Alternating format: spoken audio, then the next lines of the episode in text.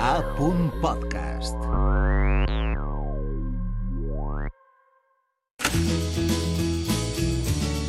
El Cerverator o Cerverator, amb Rafa Cervera.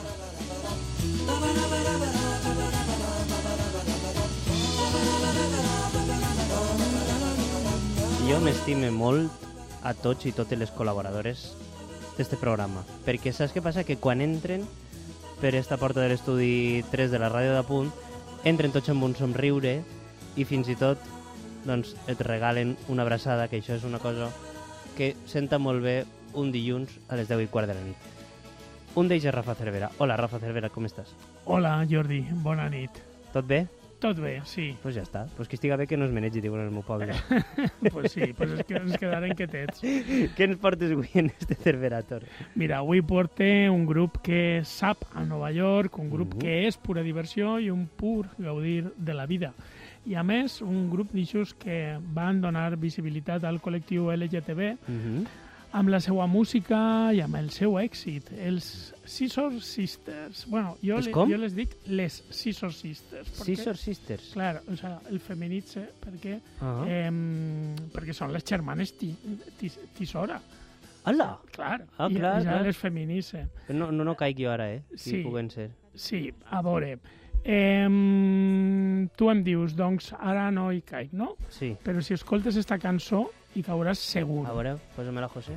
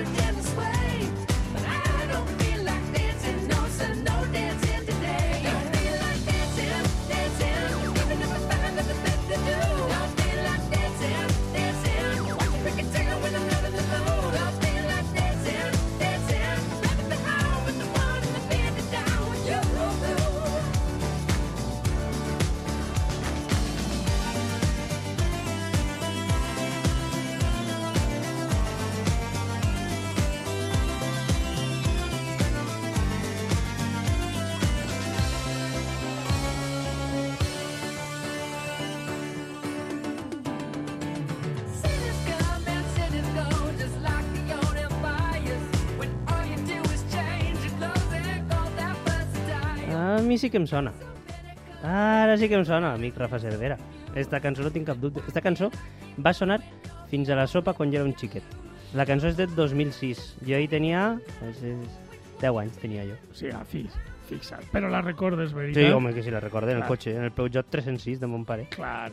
És Roig. que, és que va ser un d'eixos èxits planetaris que van fer ultrafamós un grup que havia debutat dos anys abans amb un àlbum perfecte. El disc que es titulava com el grup Scissor Sisters. Les Scissor Sisters. Bueno, sí, les Scissor Sisters... Jo estic quan- insistint quan en parlem- això. Sí, quan parlem del, del, del, del grup a nivell així ja família, Mm. com, amb familiaritat, no? Però el, el títol era Scissor Ah, vale. Sisters, o sea, sin, sin el Sense l'article. sí. Vale, vale, vale. Scissor Sisters.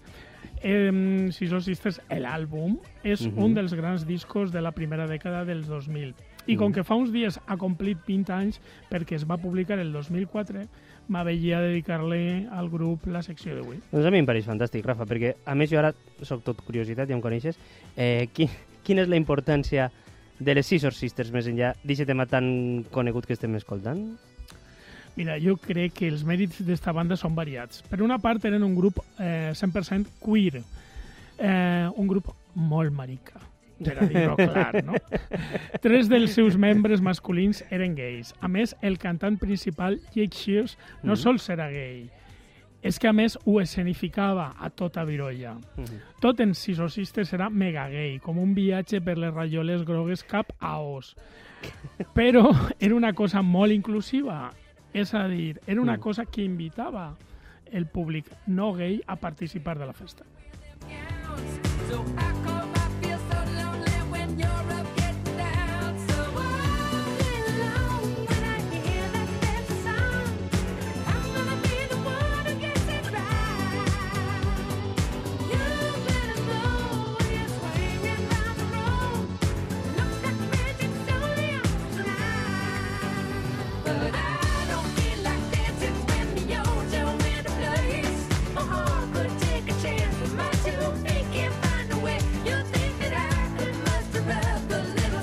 Et dic, eh, Rafa, eh, això de, de convidar al públic no gay a participar de la festa és una cosa que jo sempre que, que està bé, vull dir, manifestar-se sense por, amb orgull, però també fer-ho d'una manera perquè tot el món, també els heteros, doncs, puguen participar. Clar. Eixa, eixa va ser, per exemple, el secret de l'èxit d'un grup dels anys 70 Mm. com els Village People, que portaven tota la subcultura gay masculina en les seues cançons i en la posada en escena i aconseguien que tot el món els ballara i els coneguera.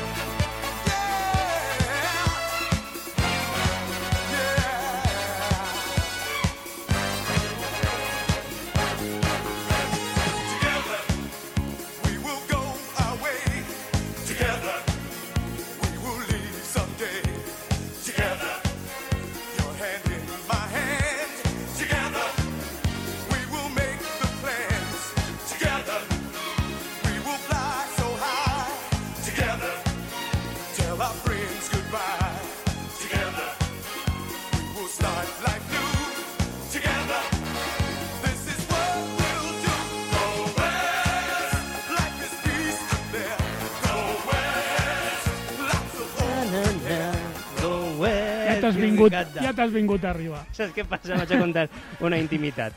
Eh, porte la mà dreta envenada i, clar, estic intentant dir-li a José algunes senyals, però és que avui no, no ens acabem d'entendre.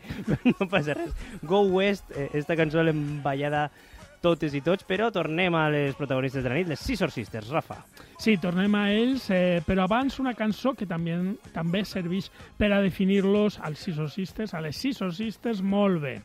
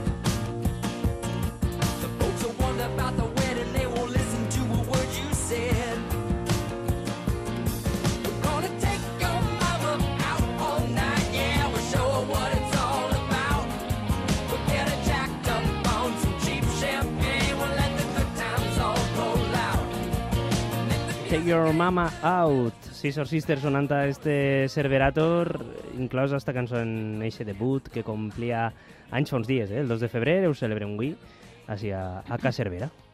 Sí, i ho fem també amb, amb esta cançó, que és més discotequera, però Mm. que té igualment un element molt reconeixible de l'estil del grup, sobretot en els seus eh, primers discos. No? Em referís que aquest toc de piano i de lleugeresa que recorda molt l'Elton John dels primers 70. Stay up late, 'cause baby, you're a full-grown man. Et dic una cosa, eh, pot ser una de les gràcies o característiques d'este grup és que reivindicaven unes mm, referències musicals d'una època molt concreta, no, Rafa? Sí, senyor. Sí, el, els billís, per exemple. Sí, no? sí, sí, estan esa al micro de la- Sí, el falset, ¿no? Ah! Eh, eh, esa cosa. Els gats, eh? sí. Els gats enfadats, sí. Eh, en, este, en este cas, no? esta, esta cosa desenfadada, no? també Mhm. la, eh, parla de, de la cançó de Take Your Mama Out, Sí. esta, esta cosa del sud dels Estats Units, eh, i sempre tot il·luminat per la brillantor de les boles, ixes d'espill que Oh. hi havia Oh. a les discoteques antigues, no? Oh. I al mateix temps, també, amb idees que no sols jugàvem amb la nostàlgia, no? com per exemple en esta versió de Pink Floyd, que va ser el senzill que els va donar a conèixer. Hello,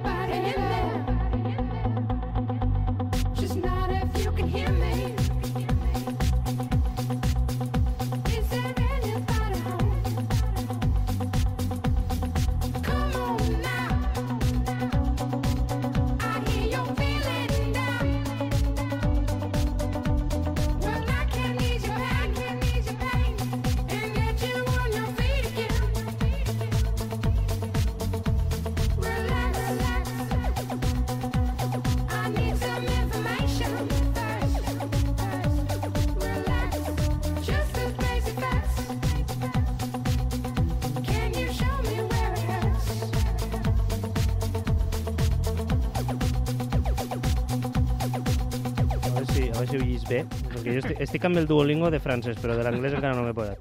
Comfortable numb? Eh, Sí, bueno, no, sí. po- podria ser pitjor. O com transformar un tema de Pink Floyd en un himne discotequer. Sí, i com dir-hola al món de tal manera que ja no et podies oblidar d'ells. Eh, jo, mira, des de que he escrit el, el, el, el guió, estic Sí. amb les cançons al cap, eh? O sigui, Sí, sí, sí, em no, desperte amb Take Your Mama Out. I me'n vaig al gimnàs amb Take Your Mama Out, sí, sí. Perquè, clar, és que, a veure, mm, Sí. és que és un grup únic, no? Perquè hi havia el nom, Siso Sisters, Sí, les germanes Tisora sí.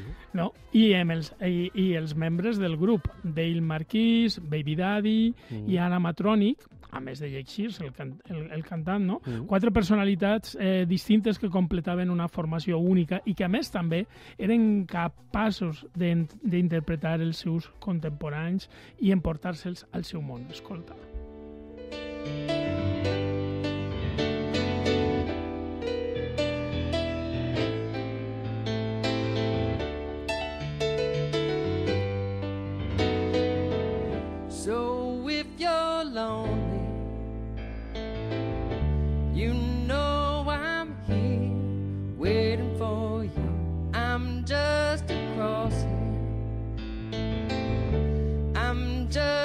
shine.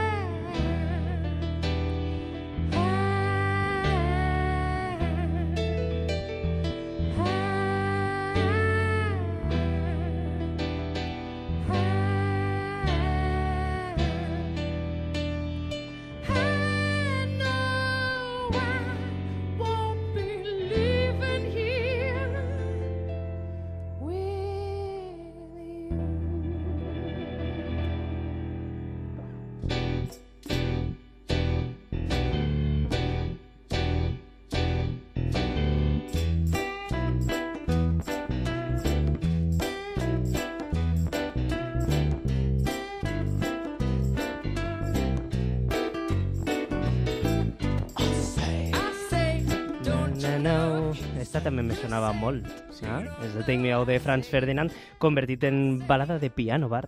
per obra i gràcia de les Scissor Sisters, que Sí, ho fan senyor. molt bé. Eh? Sí, sí, Molt bé, tenen, molt bé. tenen molta gràcia. Mm. I esta joia estava en la cara B d'un dels seus primers senzills, i crec que era Mary, Mm. i on cultivaven aquesta tendència de fer balades amb molt de sucre, no? Com s'estilava també en els anys 70, no? Els vigis... és curiós perquè Scissor Sisters van coincidir amb una tendència que era l'electroclash, Mm. que reivindicava els grups de tecnopop i d'electrònica digital dels primers 80, però els seus fetitxes musicals, els Scissor- de les Scissor Sisters, vull dir, Mm. venien dels anys 70. Val, i en aquesta combinació de noves bandes, de revisió de músiques de fa ja dos dècades, en diguem així una miqueta quists, estaven a soles on hi havia més gent que tenia de veritat pel brilli-brilli de sintetitzadors. Que jo recorde, mira, l'artista més propera a esta reivindicació Mm. de so, conegut com Plaers culpables, era este suec, Fred Ball, que gravava amb el nom de Pleasure.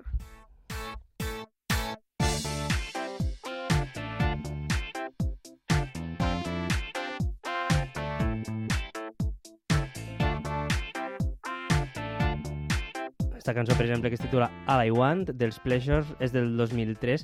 Va haver bona collita musical aquests anys, no, Rafa? Buah, una, meravella, una meravella.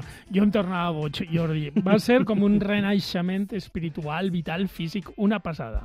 I els Scissor Sisters són una part molt important d'aquest moment en què tot va canviar, Mhm. quan la música tornava a ser divertida, festera, retro, però també moderna, Mhm. i un temps en el que podies sentir les Scissor Sisters cantar lletres sobre eixir de l'armari i drag queens eh, com, com feien en esta que sona ara.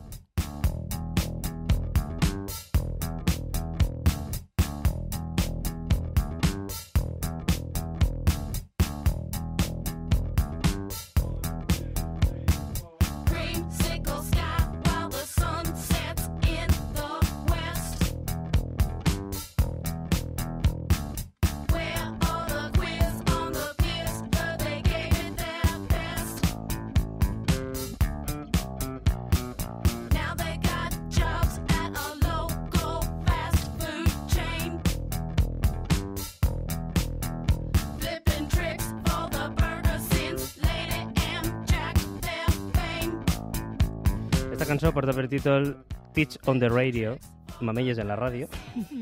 Ja, si d'això parlem un altre dia, jo, Rafa, perquè n'hi ha molts dobles sentits, n'hi ha cançons molt divertides en, en este disc de les Scissor Sisters, eh, que per descomptat doncs, ha format part del Cerberator i ens ha alegrat una miqueta la nit de dilluns. Una curiositat, Rafa, eh, el grup continua en actiu o, o ja està parat la cosa? Està parada la cosa. Ja. Estan descansant eh, des de fa més de 10 anys i no pareix que tinguin plans per a tornar de seguida. Baby Daddy, que era el compositor de les cançons, es dedica ara als, als còmics i Oh, així es grava discos en solitari. Uh -huh. Però abans de que acabe la secció hem Sí. d'escoltar una de les últimes cançons que van Val. gravar. Val. Let's Have a Kiki. Ui, una cançó on utilitzen el llenguatge col·loquial de la gent trans perquè això del kiki, o sigui, el títol vol dir, vol dir "Ah, anem a tindre un kiki, no? Eh, Rafa, Ah, val, no, sí, no, espera. Ah, A val. veure, que m'explique. Val, lo del val, kiki, lo del kiki no és lo que estàs pensant. Lo de kiki en, la- en el len- llenguatge de la gent trans vol dir doctorejar. Dotorejar. Sí, o sigui, Hola. anem a... Anem a xafardejar una miqueta. Sí, sí. I'm calling you back. Ooh, she's been a bitch tonight. And by bitch, I mean this rain. No cab, nowhere. So I had to put on the wigs and the heels and the lashes and the ear and take the train to the club. Rafa Cervera, ens acomiadem amb este Kiki de Dotorejar. Sí, sí, un Ja. Kiki Casto. Ha sigut un plaer immens. Rafa, amic, gràcies per tot. Una Gra- abraçada molt gràcies. forta i eh, ens veiem la setmana que bueno, la setmana que ve el dilluns que ve estarà Isa, val? però Sí. meravellós, també la secció, com sempre. com sempre. Gràcies, guapo. A tu, un plaer. For me.